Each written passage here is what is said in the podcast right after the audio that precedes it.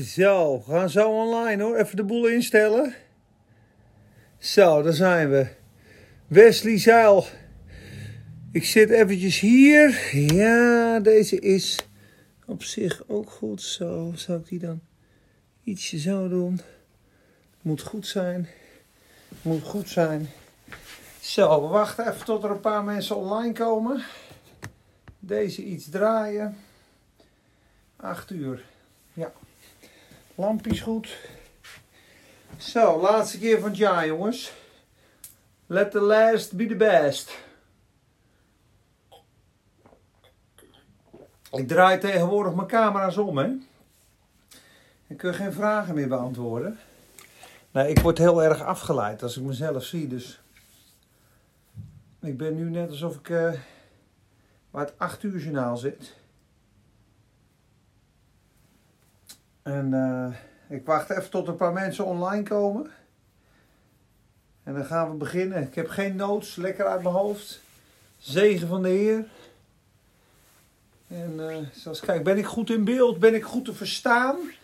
Staat dit niet uit? Even kijken. Die zit goed, die zit goed. Volgens mij ben ik goed te verstaan, hè?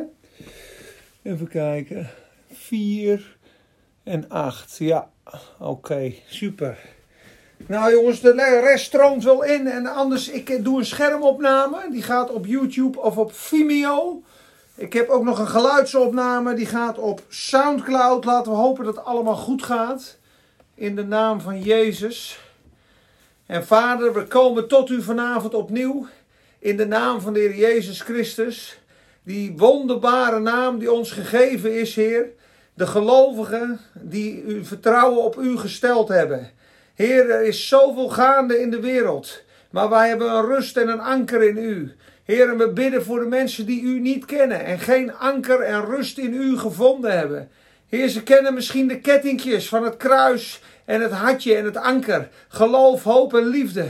Heer, ze hebben nog nooit die aanraking gehad van u het geloof gegeven gekregen en de hoop te zien. De hoop, de enigste hoop voor de wereld, die Jezus Christus is. Geschonken, Heer, voor onze zonde, gestorven aan het kruis, genedergedaald ter helle en ons gekocht en betaald voor dat nieuwe eeuwige rijk waar we vanavond ook naar willen kijken.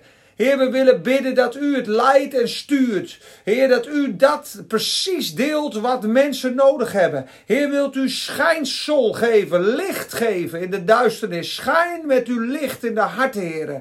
Want de boze heeft de gedachte verblind van de mensen dat zij niet de heerlijkheid van het evangelie van Christus zien. En daardoor uh, zijn hun gedachten verduisterd, staat er. Zodat ze niet die heerlijkheid kunnen zien. En wij bidden, Heer, dat u de heerlijkheid gaat laten zien aan mensen dwars door alles heen, dwars door alle uh, ja, eh, stormen heen, manipulatie heen, leugens heen, alles wat wij denken te geloven. Heer, wij bidden dat u met uw lichten doorheen gaat schijnen. Ook over onszelf de leugens, ook over u, ook over de schepping, Heer, ook over de toekomst van de wereld. Heer, wij dragen het aan u op, Heer. Zoals u licht en openbaring en visioenen gaf aan Daniel. Heer, zoals u van, van de week dingen liet zien, Heer. Heer, we bidden dat het machtig mooi over mag komen. Heer, dat velen aangeraakt worden, in vuur en vlam gezet worden voor u in die laatste dagen, Heer. Want de dagen zijn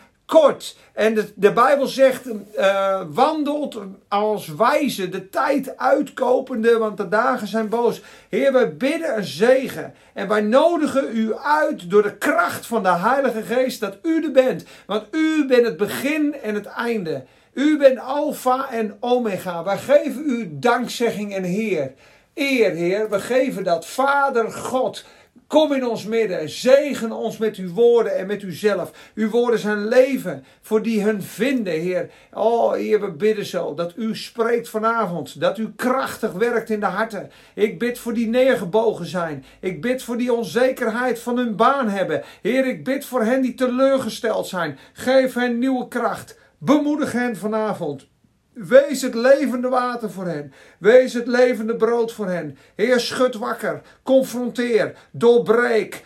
Laat zien, Heer, wat de waarheid is. Vanuit uw woord. Heer, wilt u spreken over toekomende dingen. Heer, wilt u ons bekendmaken de dingen die wij nodig hebben. Heer, wilt u ons de heerlijkheid tonen. In Jezus' naam. Heer, we binden elke vijand, elke macht en elke kracht die wederstaat. Heer, we bidden dat mensen zullen luisteren aandachtig door de liefde en de kracht en de heilige, van de Heilige Geest. In de naam van Jezus.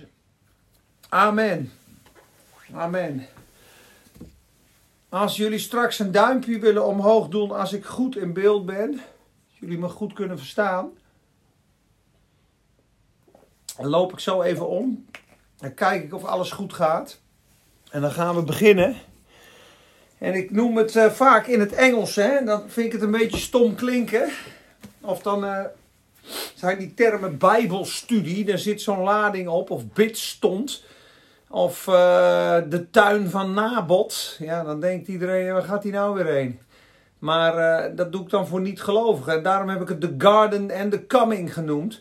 En ik wil vanavond kijken naar uh, wat ik denk dat plaatsvindt in de aarde. Zonder namen te noemen, zonder het op aards niveau te brengen. Want dat doe ik natuurlijk ook. En dat zie je. soms spreken we dingen aan of zijn we het niet met dingen eens. Maar uh, duizend mensen, duizend meningen. Maar wat is het mooi als je door de Heilige Geest, de visie van de Heilige Geest als een adelaar, door die eindtijd heen kan denken. Uh, of kan zien.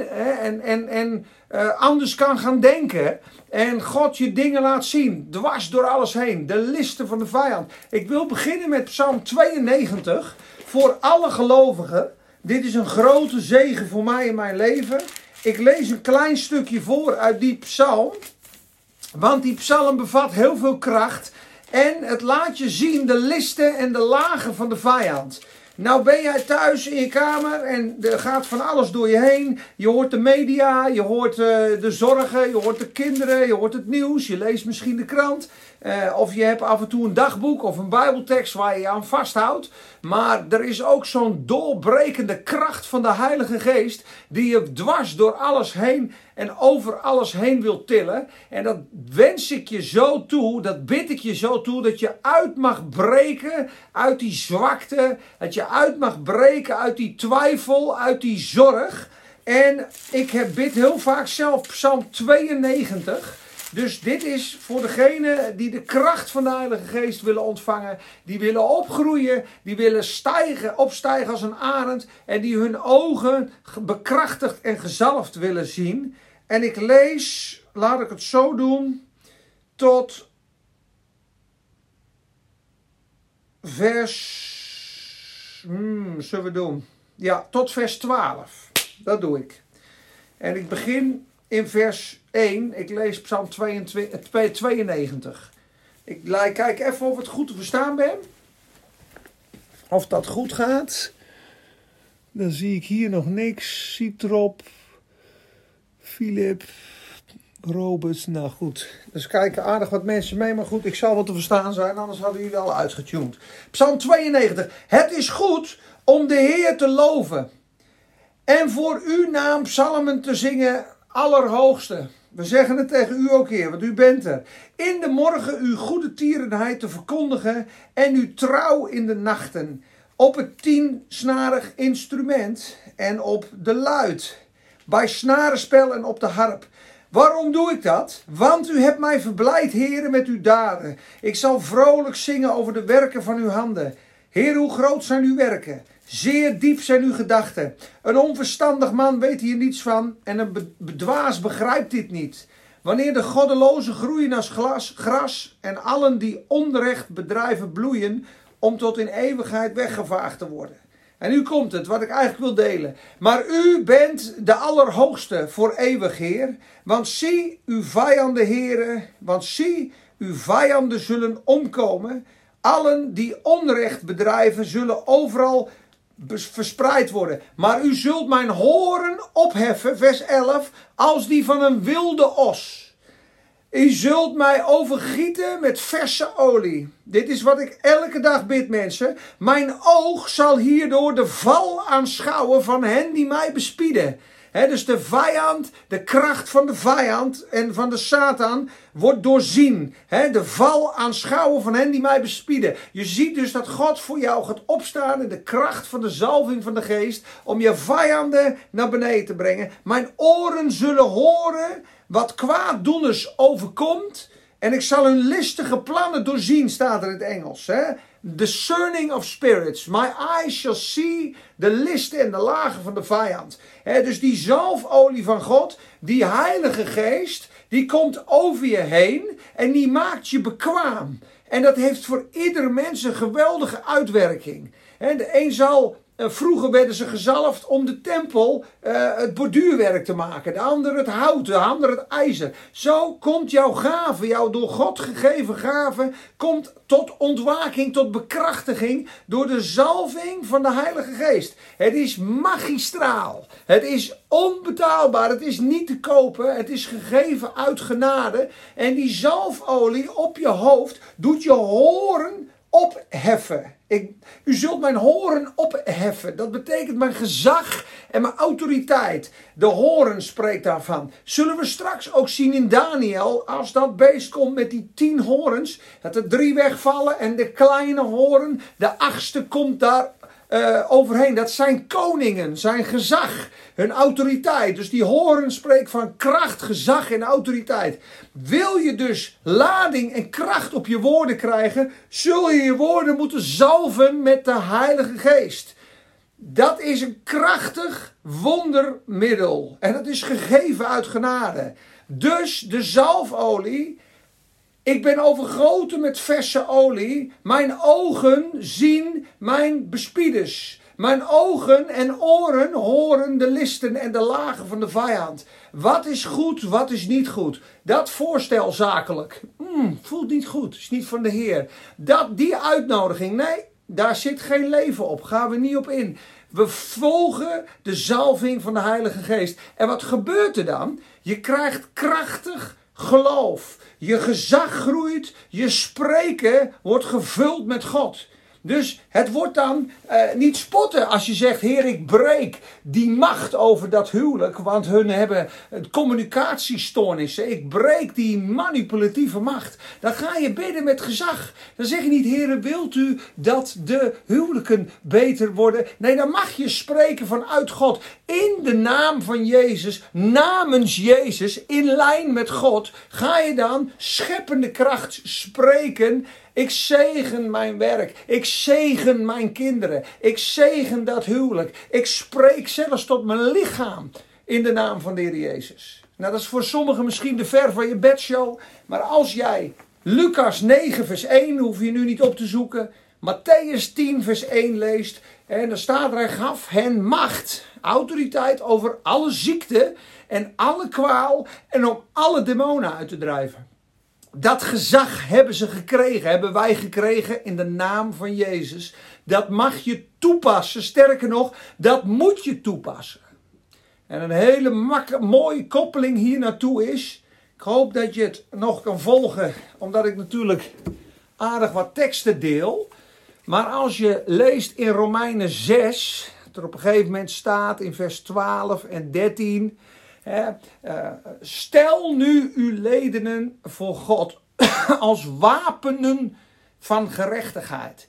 En de les die ik geleerd heb, is als je je toewijdt aan God, als je zegt, Heere God, hier ben ik, geen agenda, geen afspraken, hier ben ik, zeg het maar, dan word je een instrument, staat er, een weapon of righteousness, een wapen van gerechtigheid dan kan je dat koninkrijk van die vijand beginnen te vernietigen, te slopen. Ja, lekker slopen. De vijand slopen. Vind je niet heerlijk? Een huis slopen met zo'n grote kogel, zo'n sloopkogel, zo'n hamer alles neermaaien gewoon wat duisternis is. En dat mag je over je eigen huwelijk en je leven en je gemeente en je voorganger en je kinderen en je vijanden en je werk. Mag je alles breken en kapot slaan in de kracht van Jezus. Die wapens zijn om de vijand te verslaan. En als je je niet overgeeft, heb je geen wapen. Sta je met blote vuisten te knokken tegen de vijand. En daarom is de zalving super effectief bij mensen die zich overgeven.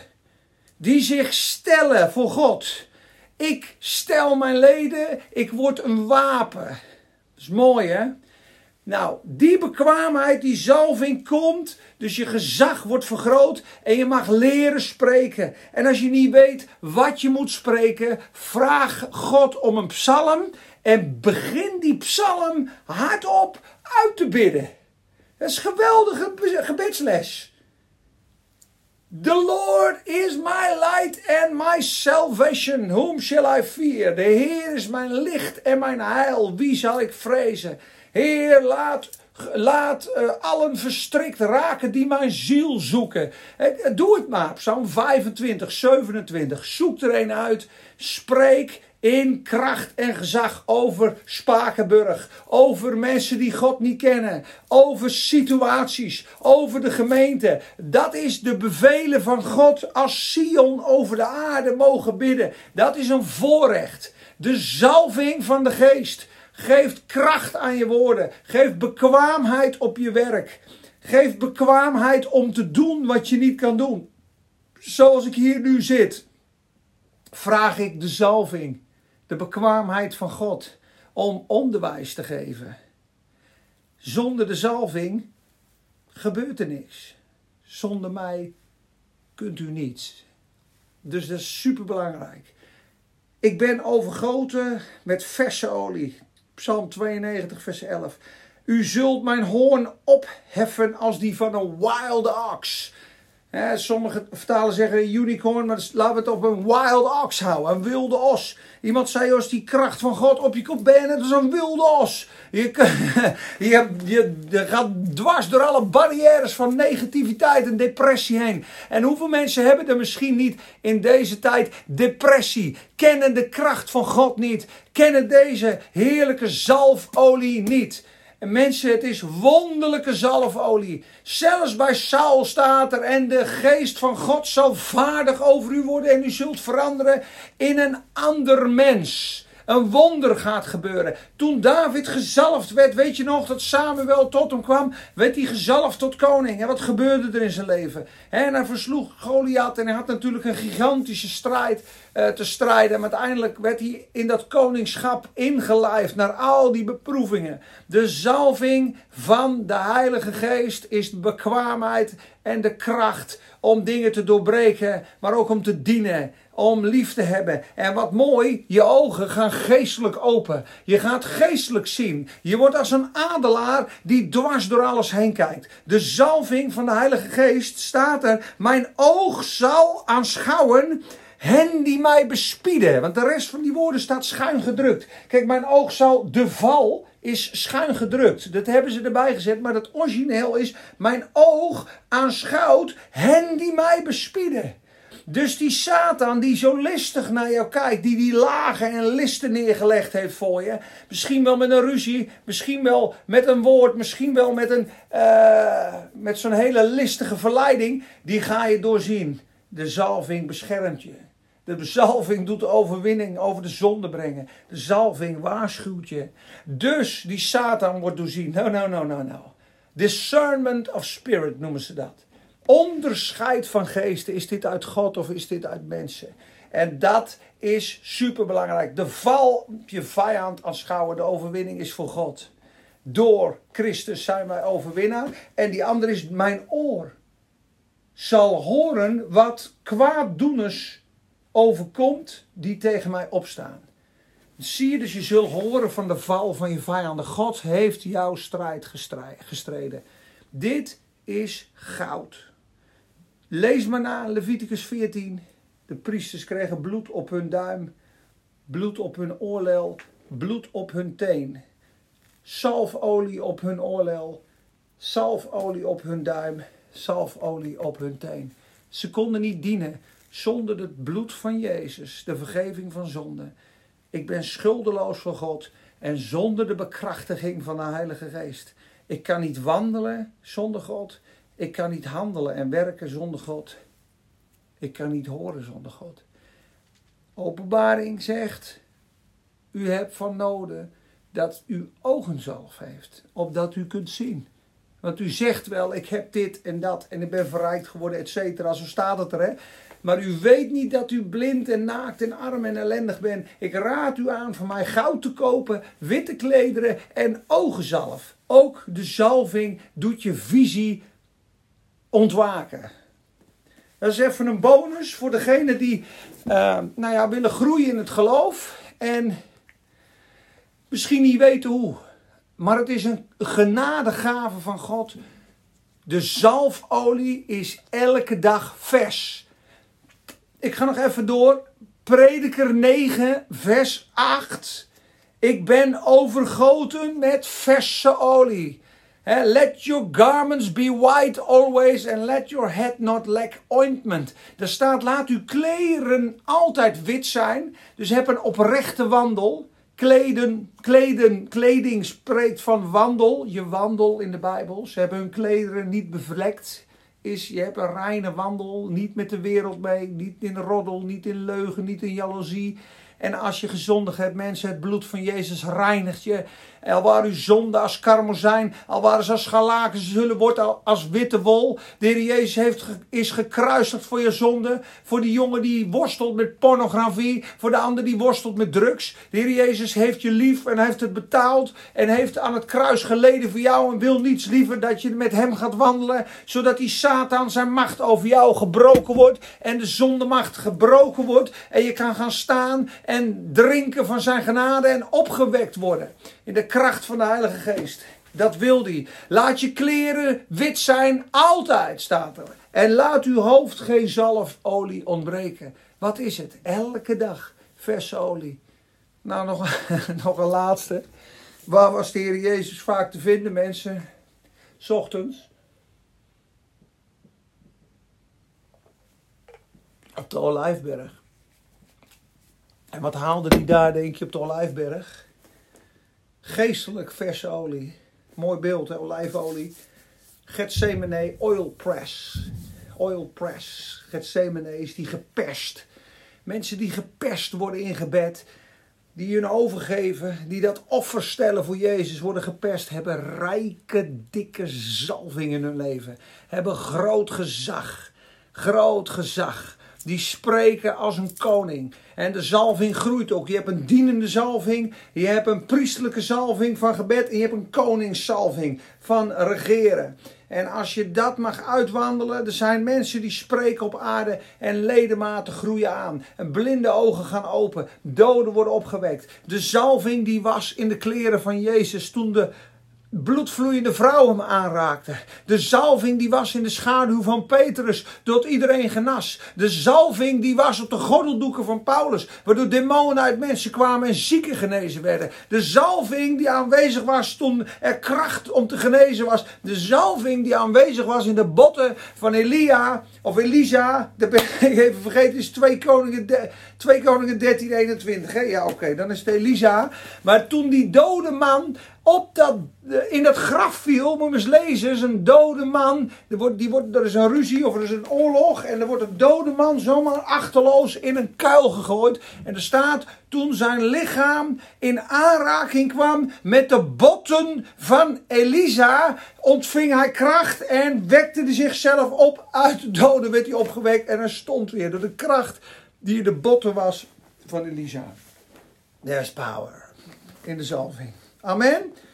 Mijn oog zal zien, mijn oor zal horen, geestelijk inzicht, geestelijke oren, groot gezag en zo wild als een os. Dwars door alles heen. De rechtvaardige zal groeien als een palmboom, hij zal opgroeien als een ceder op de Libanon. Dat is eventjes een starter. En dat was een starter van 24 minuten. Nou. oh, halleluja. Ik denk even vijf minuten, maar dat is wel lekker hè, de zalving. Daar word je blij van jongens hoor. De zalving van de Heilige Geest. Ook hè, de, de zalving die er is om te aanbidden. Er is geen één iemand die God kan aanbidden. In geest en waarheid hoor je dat te doen. Snap je? Er is niemand die het kan zonder de bekwaamheid en de zalving van de Heilige Geest. Ook het preken, ook het werken, ook het huis schoonmaken. Moet je nagaan dat je gezalfd boodschappen gaat doen. Gezalfd gaat stofzuigen. Gezalfd op vakantie gaat. Gezalfd eh, de dingen doet eh, met je vrouw of met je man, gezalfd. Dat zou toch geweldig zijn. Heer, we bidden zo dat iedereen gezalfd wordt en de kracht van uw Heilige Geest en uw zalving gaat ervaren. In Jezus' naam. Amen. Oké, dat was deel 1. Dan ga ik nu naar 1 Koningen 21. 1 Koningen 21. En dan ga ik wel een stuk lezen, want anders ga je het niet begrijpen. En ik kreeg dit woord van de week op de tennisbaan. Ik had heerlijk getennis met Erik Zwaan. Heerlijk, was echt lekker. En ik pak dat net om te gaan vegen. En toen kwam dit woord in me, tot me. En toen dacht ik, oh joh, het is net als de tuin van Nabot. De boze bouwt zijn rijk. Mensen, of je het zien wil of niet.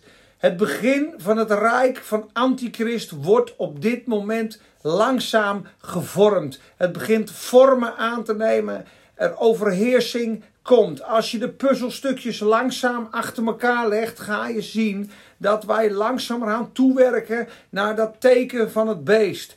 er is nu nog cashgeld. Er mag nog met 15.000 euro cash betaald worden. Volgend jaar met nog 3.000.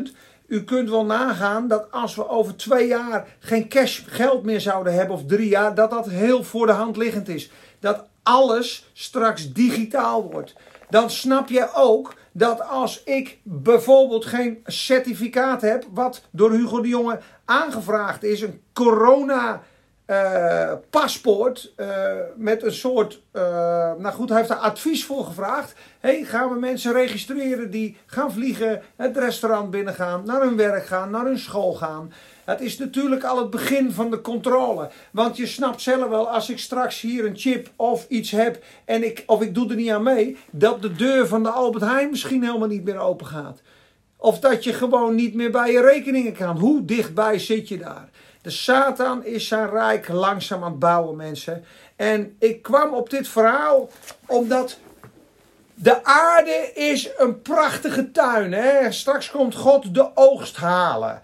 De druiven, de verkeerde druiven gaat hij stampen als een wijnpers. Hè? Er staat in openbaring. We kunnen niet alles lezen, maar lees maar eens hoofdstuk 13 van openbaring en hoofdstuk 19. Nou ja, pak het hele boek openbaring zou ik zeggen.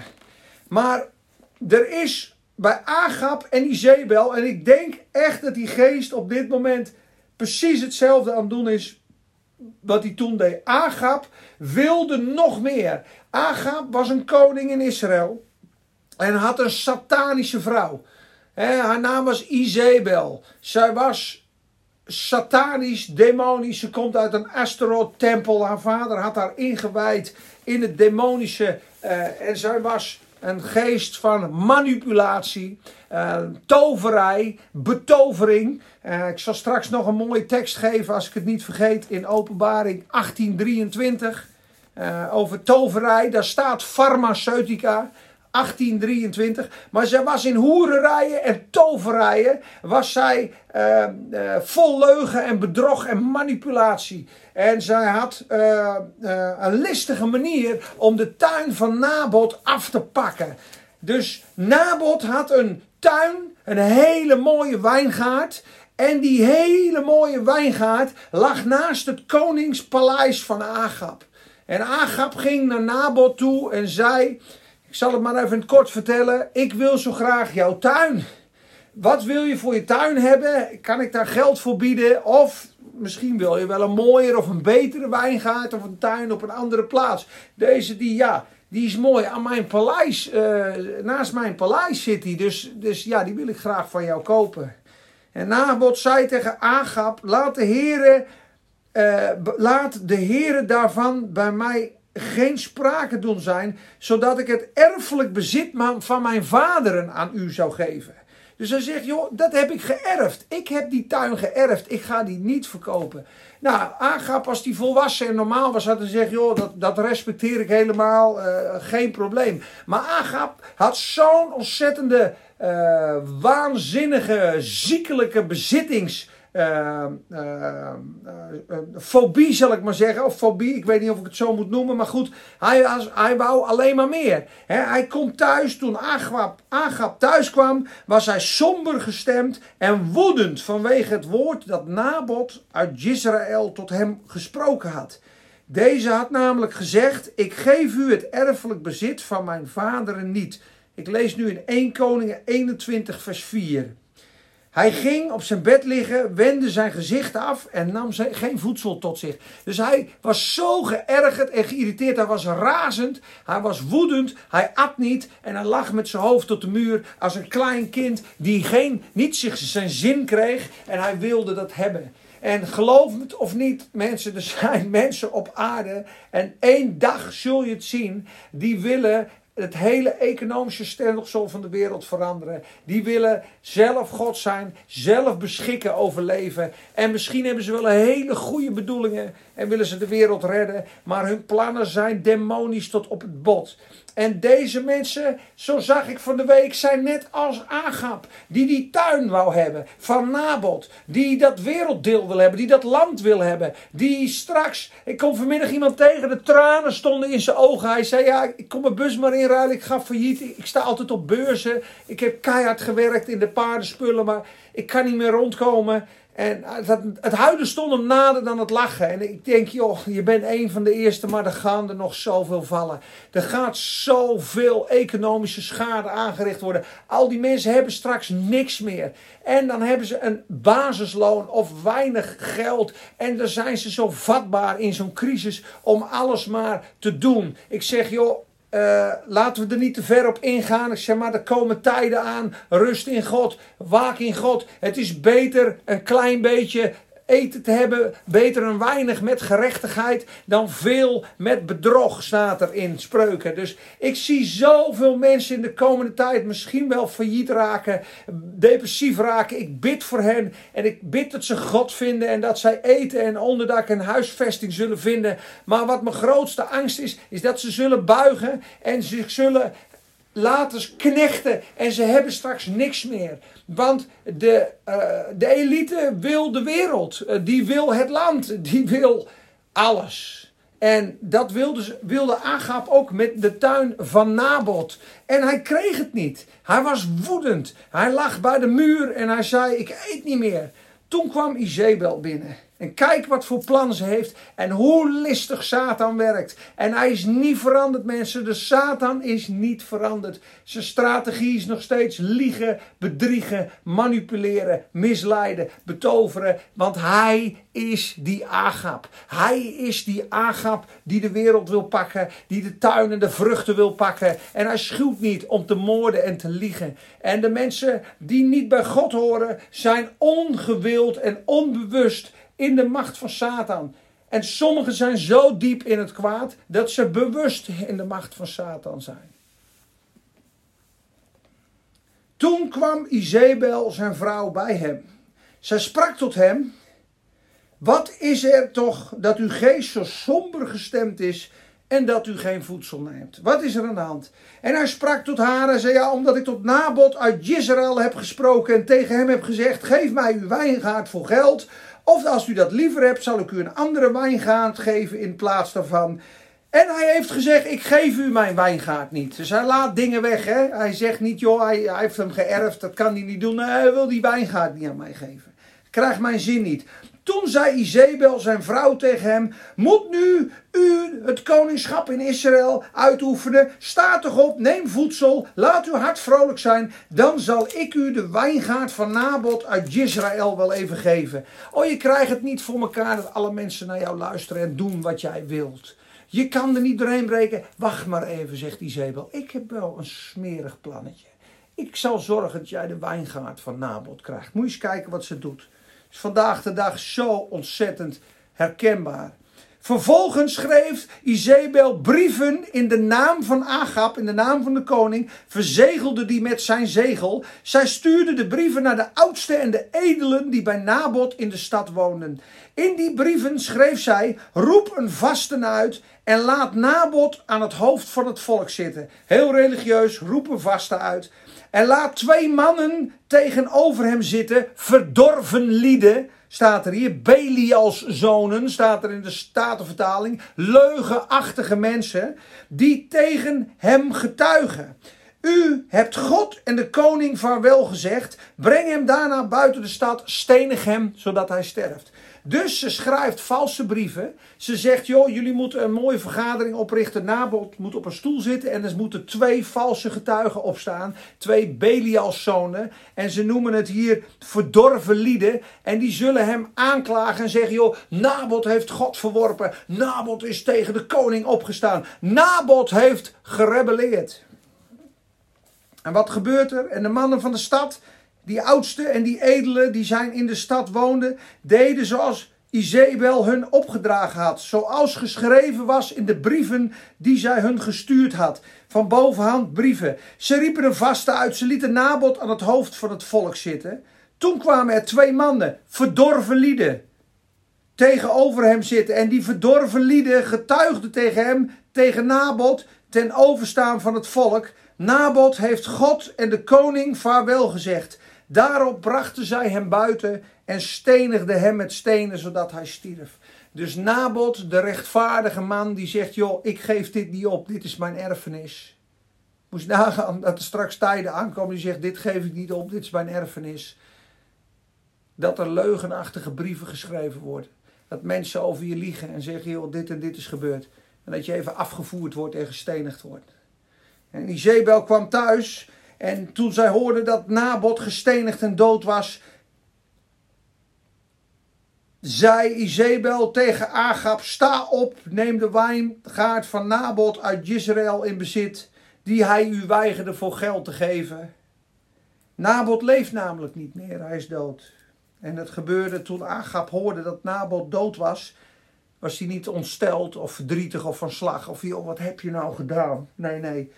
Agab stond op om naar de wijngaard van Nabot uit Israël af te dalen, om die in bezit te nemen. Ik heb dit wel eens gepreekt als een aanval op de gemeente. de gemeente is de tuin van Nabot. Er zijn hele mooie vruchten in die tuin, die bloeien, die bloeien, die bloeien tot eer van God. En de Satan ziet dat de tuin bloeit en denkt, joh, we moeten aanvallen. Die tuin moet van mij zijn. En hij kwam met leugen en de christenen zeiden, nee, dit is van God, dit stuk geven wij niet op. En hij kon het niet krijgen. En er werd valse, valse roddel en toverij manipulatie gesproken. En uiteindelijk werd er werden de mensen vermoord. Zo is Satan bezig om de gemeente en de aarde kapot te maken. Hij wil zijn rijk vestigen. Hij wil God zijn. Hij wil aanbeden worden. Hij zal straks dat beeld maken, zoals het ook bij Nebukadnezar zat in Daniel. Hij zal straks het beeld oprichten en de mensen verleiden met wonderen en tekenen en leugen en bedrog. En hij zal, iedereen zal zeggen: Wie is als het beest? Wie is als het beest? Ze zullen verwonderd zijn. Hij zal een beeld oprichten en het beeld zal een geest en een stem krijgen. En iedereen zal zeggen: Wie kan oorlog voeren tegen het beest? En het beest maken dat allen die hem niet aanbidden onthoofd moeten worden. En allen die niet het teken van zijn naam namen, of het merkteken op hun pols of op hun voorhoofd. Jongens, hoe dicht zitten we erbij? Doe je ogen open. Vaccins met technologie erin. Vaccins met nano en hydrogel. Vaccins met genetische afwijkingen. Onbetrouwbare lieden, jongens, die spreken. Valse brieven die rondgaan. Leugens, propaganda. Het is de Satan, het is Izebel ten voeten uit vandaag de dag. Het is het begin van het vierde rijk, het Romeinse rijk. En ze noemen het de Fourth Industrial Revolution. Het vierde rijk, het Babylon wordt weer gevormd. Het Rome wordt weer gevormd. Lees Daniel, lees Openbaring, lees uh, Matthäus en Lucas, vooral aan het eind, die hoofdstukken. Mensen, je ogen gaan open. Maar deze brieven die geschreven waren, waren valse brieven. En Agab, die ging naar de tuin om die in bezit te nemen. En het woord van de Heer kwam toen tot Elia, de Tisbiet. En die zei, sta op, daal af, Agab, de koning van Israël, tegemoet die in Samaria woont. Zie, hij is in de wijngaard van Nabot, waarheen hij is afgedaald om die in bezit te nemen. En u moet tegen hem zeggen, zo zegt de Heer, hebt u een moord gepleegd om ook iemands land in bezit te nemen? Verder moet u tot hem spreken, zo zegt de Heer. Op de plaats waar de honden het bloed van Nabot opgelikt hebben, zullen de honden uw bloed oplikken. Ja, het uwe. Nou goed, ik kan het verder niet allemaal lezen, maar uiteindelijk komt er een man in 2 Koningen 9, die heet Jehu, een wilde, gezalfde man. En die heeft Izebel uit het raam doen gegooid worden door iemand van binnenuit. En ze werd opgegeten door de honden. God rekent af met de Satan. Maar je moet nagaan toen Hitler grote belofte had over heel uh, uh, Duitsland. Iedereen krijgt een auto, we gaan wegen bouwen, we gaan het allemaal goed krijgen. Geloofden de mensen het. En ze gingen achter hem aan. En ze hadden veel vertrouwen. En hun task was om het Joodse volk uit te moorden. Het volk van God. En hoe is het geëindigd mensen? 45 miljoen doden in de Tweede Wereldoorlog. Rusland 12 miljoen mensen. Hoeveel bedrog en leugen was er? En waar is het geëindigd? Hij is ten val gekomen en Duitsland viel uit elkaar. En sinds 89 is de muur pas opgericht. Hoe was het in Oost- en West-Duitsland in al die tijden, mensen? Het was uit elkaar gevallen. En zo zijn er straks mensen die komen met mooie beloften. En zullen ons aanbieden een vast en een basissalaris en een rust. En we moeten de naam van God maar loslaten. En we moeten maar dingen loslaten. En als wij dan zeggen: Dit is mijn erfenis. Dit doe ik niet. Zullen ze leugenbrieven over je schrijven? Zal de geest van Izebel achter je aankomen en je verdrukken en je vervolgen? Mensen die tijden gaan komen. En als je de naam van Jezus hoog in het vaandel houdt, in dit land nog vrij. Maar als deze jongen nu in China zou zitten, hadden ze de studio al binnengevallen. Hadden ze al camera's op mijn hoofd, dan zou deze jongen naar een opvoedkamp gaan of nooit meer terugkomen. Zijn prijs betalen met de dood. Zoals Watchmeni zijn tong uitgerukt werd in de Chinese staat. Mensen 20 jaar in de gevangenis. Watchmeni 80 miljoen mensen bij de Heer Jezus gebracht. Gestorven voor zijn geloof.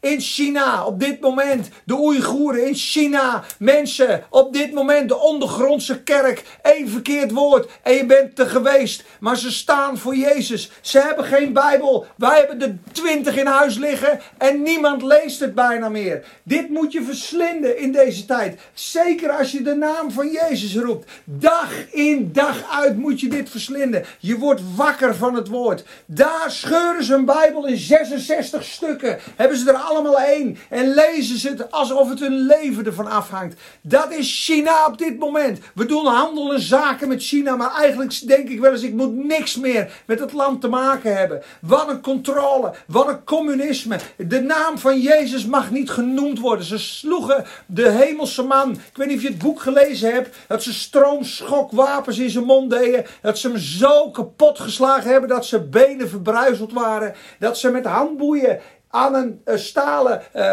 pijp gezet hebben met een auto over kuilig uh, landschap gingen rijden. Dat ze een pezen zichtbaar waren. 74 dagen geen eten gehad. Opsloten met de grootste moordenaars en criminelen. En hij niet gebogen is en voor Jezus bleef staan en lijden. Dat is China op dit moment. En als we niet uitkijken, ik zie het gebeuren mensen, dat we langzaam naar controle gaan. Kijk maar naar het gecensureerd worden van de berichten. Als je maar het woord corona intikt of vaccin, boem, daar komt hij. Als er maar iets is wat de waarheid aan het licht brengt, boem, daar is die sensor. Er is nu al controle. Dat is al staatscontrole, mensen. Nico Sloot, zijn mooie documentaire is van uh, YouTube afgehaald. Gewoon eerlijke, oprechte bewijzen. Gewoon eerlijk en oprecht dingen onderzocht. En waarom is er geen één journalist die er tegenop staat? Waarom is er geen één iemand in Nederland die daar keihard tegen optreedt? Die zegt, hé, hey, geef eens een antwoord. Waarom is dat weggehaald? Waarom mag de waarheid niet verteld worden?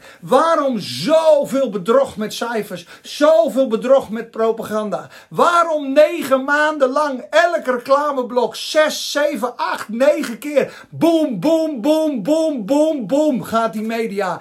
Hersenspoeling, angst, manipulatie. Iemand zei de laatste, je gaat niet dood van angst, maar het weerhoudt je om te leven. Mensen zijn verlamd geslagen, terwijl God wil dat je vrij bent. Dat je straalt, dat je samenkomt, dat je zingt. Gisteren zei iemand nog tegen me, Peter, als je omhelst, al die bacteriën, daar krijg je immuunsysteem een boost van. Die leert daarmee om te gaan. Al die afstand is tegen je immuun. Mondkapjes tegen je immuunsysteem. Lockdowns tegen je immuunsysteem. Mensen, ik bid je ogen opengaan voor de zalving van de Heilige Geest. Dat dit tegen God en zijn gemeente gericht is. We gaan tijden meemaken dat je alleen maar kan vluchten naar God. Want dat Romeinse Rijk, dat wordt een rijk of ze brengen je slavernij of ze maken je af.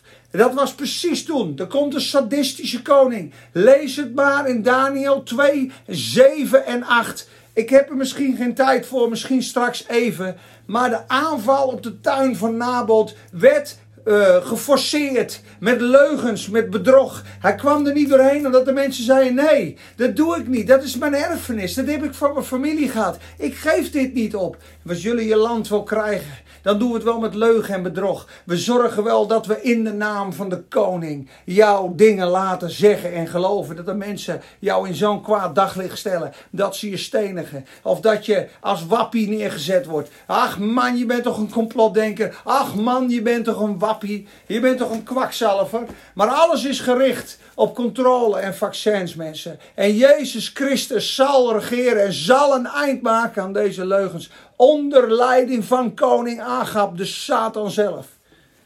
En ik word er vurig van, want ik heb dit woord van God gekregen. En doe ermee wat je wil. Maar bid en pleit en zoek en vraag. En zeg, Heere Jezus, open mijn ogen.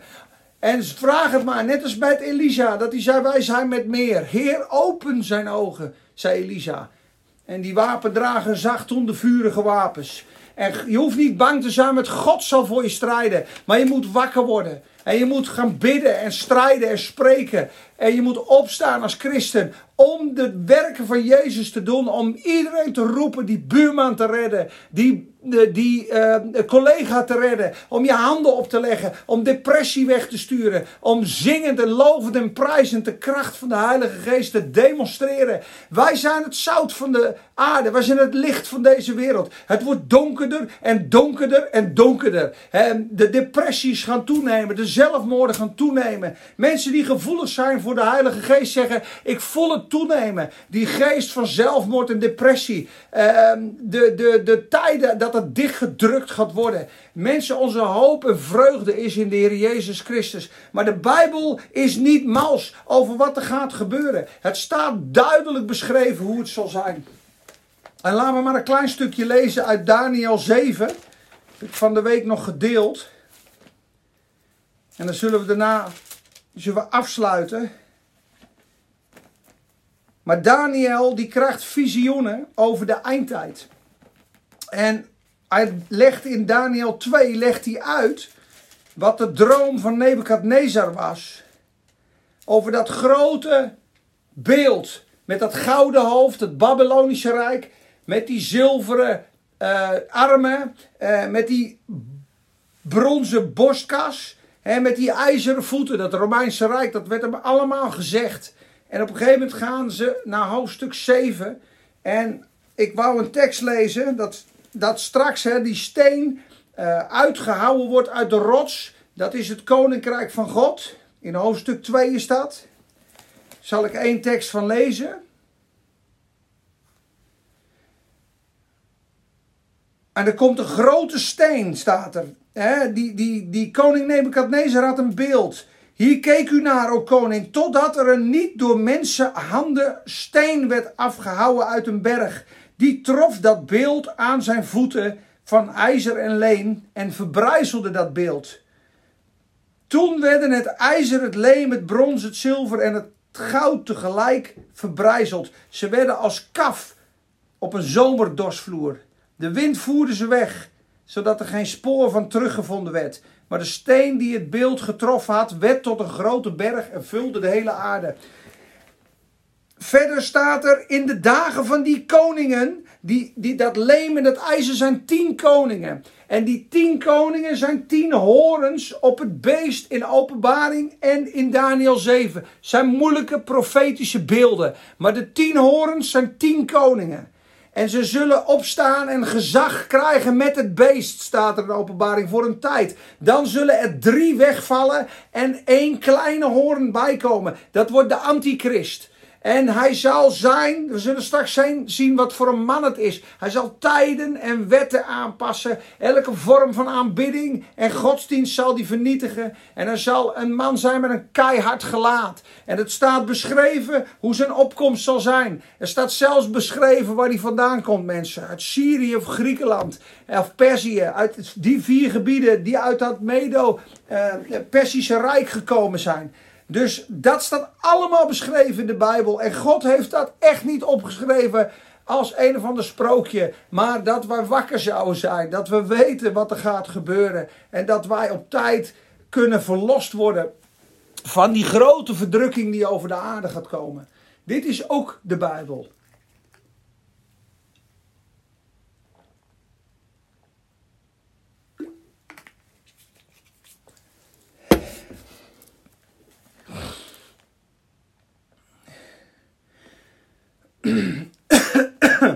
en de tenen van de voeten, gedeeltelijk van ijzer en gedeeltelijk van leem, 2 vers 42.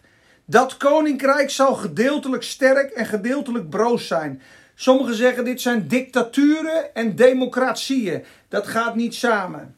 Uh, ik denk zelfs dat het ook nog te maken heeft met bio en uh, natuurlijke mens. Maar dat ben ik.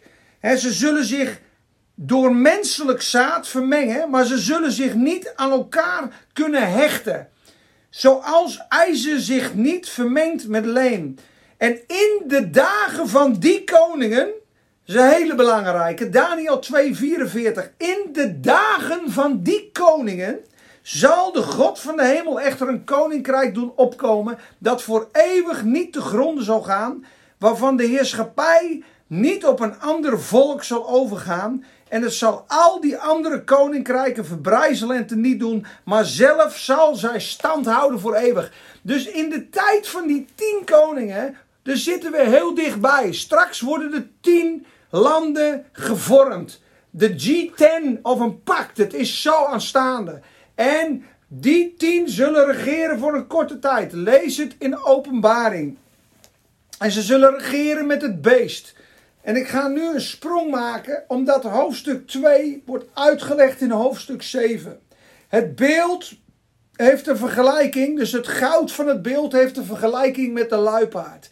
Het zilver van het beeld heeft een vergelijking met de beer. Het ijzer heeft het, de vergelijking met het derde dier en het, en, de, uh, en het brons ook. Dus de vier soorten materiaal uit Daniel 2 worden overgeplaatst naar hoofdstuk 7 en worden vergeleken met vier dieren. Dan in hoofdstuk 8 worden er twee dieren uitgeplukt: een bok en een geit. En dat, dan komt dat profetische beeld met die hoornen over de antichrist. Lees het zelf maar goed na. Ik ga dus nu van hoofdstuk 2 naar hoofdstuk 7, waar hoofdstuk 2 uitgelegd wordt met een ander beeld. Daarom is Daniel moeilijk. Als je dat ziet, wordt het minder moeilijk. Dat is een ezelsbruggetje. Hoofdstuk 7.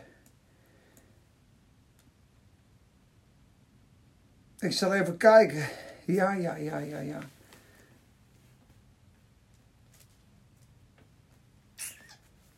Ja, ja. Hij heeft een. Eh, oh ja. Laat ik maar beginnen in vers 15. Dus Daniel, ik ga nog 7, 8 minuten door. Daniel heeft visioenen gehad in hoofdstuk 7. Hij wordt s'nachts wakker. Hij schreef de droom op. Nou ja, goed, hij kreeg de vier dieren te zien. De eerste was als een leeuw met vleugels van een arend. De tweede dier leek op een beer.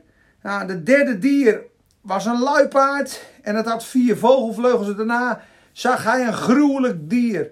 Uitzonderlijk sterk. Het had grote ijzeren tanden. Het at en verbrijzelde. De rest vertrapte het met zijn poten. Het verschilde van al de dieren die, dieren die er voorgeweest geweest waren. En het had tien horens. Zie je? Dat vierde beest is verschrikkelijk. Dat spreekt van een demonisch rijk wat aanstaande is. Het rijk van Antichrist. Wat, wat sadistisch zal zijn. Keihard zal zijn, vergruizen zal, een groot angstaanjagend beeld. Dit is antichrist en hij heeft tien horens. Die tien horens zijn de tien koningen. Uit hoofdstuk 2 zijn de leem en de ijzer uit hoofdstuk 2. Zijn de tien koningen uit hoofdstuk 13 van openbaring. Wat een rijkdom in het woord mensen. Terwijl ik op de horens bleef letten, zie, een andere kleine hoorn rees daartussen. Drie van de eerdere hoorns werden door hem uitgerukt. Dus van die G10 zullen er drie uitgerukt worden door één nieuw mens. Dat is de achtste, dat is Antichrist. En hij komt uit Syrië, of hij komt uit Griekenland, of hij komt uit Perzië, of hij komt uit, uh, uh, even kijken, Turkije. Eh, een van die vier. Velen zeggen Syrië, anderen denken aan Griekenland. Maakt even niet uit. Maar er is een man op aarde. Hij is nu levende. Sommigen zeggen dat het Assad is. Uh, daar gaan we niet op in, op die speculaties, maar het zou goed kunnen. Ja? Die man zal op een gegeven moment neergeveld worden en opgewekt worden door Satan. Staat in hoofdstuk 13 van Openbaring. De horen en het beest had een dodelijke wond. We hebben het al vaker gelezen. En hij stierf, doch hij herleefde. En dan komt dat beeld, beeld van Nebukadnezar uit hoofdstuk 3. Dat de vrienden niet buigen, die komt straks ook. En in die tijd, mensen, zullen de christenen zijn die zeggen: Oh koning, u hoeft het ons niet te vragen. We zullen niet buigen. Wij nemen geen teken. Wij nemen geen paspoort. Wij nemen helemaal geen vaccin. Wij doen niks in ons lichaam. Sterker nog, we hebben de wonderkracht van Heer Jezus. We hebben de genezende werking van God. Ja, Peet, maar we zijn ook ingeënt voor polio. Ja, ik weet het, maar ik zie er doorheen. Op een moment komt er een tijd. Ook Orlando Botterblij preekte dit. Hij zei: Er komt een moment dat de christenen zeggen: Tot hier en niet verder. Nu gaat het te ver. Nu ga ik mijn vrijheid niet meer in, in, inleveren. Ik ga zingen voor God. Ik ga leven in vrijheid. En dan komt die vurige oven. En ze werden erin geworpen, mensen. En ze braken het woord van de koning. Ze waren ongehoorzaam. De vrienden van Daniel zeiden: Ook al moeten we het vuur in, ook al worden we door God gered of niet gered, wij buigen niet, wij aanbidden enkel de God die in de hemel is. En ze werden in het vuur gegooid. Je kent het verhaal. En er was een vierde man in de oven die ze eruit haalden. Ook de meden en wedden, eh, meden en persen hadden een wet. Het is een wet van meden en persen. Dat spreekwoord ken je. Daniel mocht niet bidden. Maar toch zat hij drie keer per dag in dat venster te bidden tot God.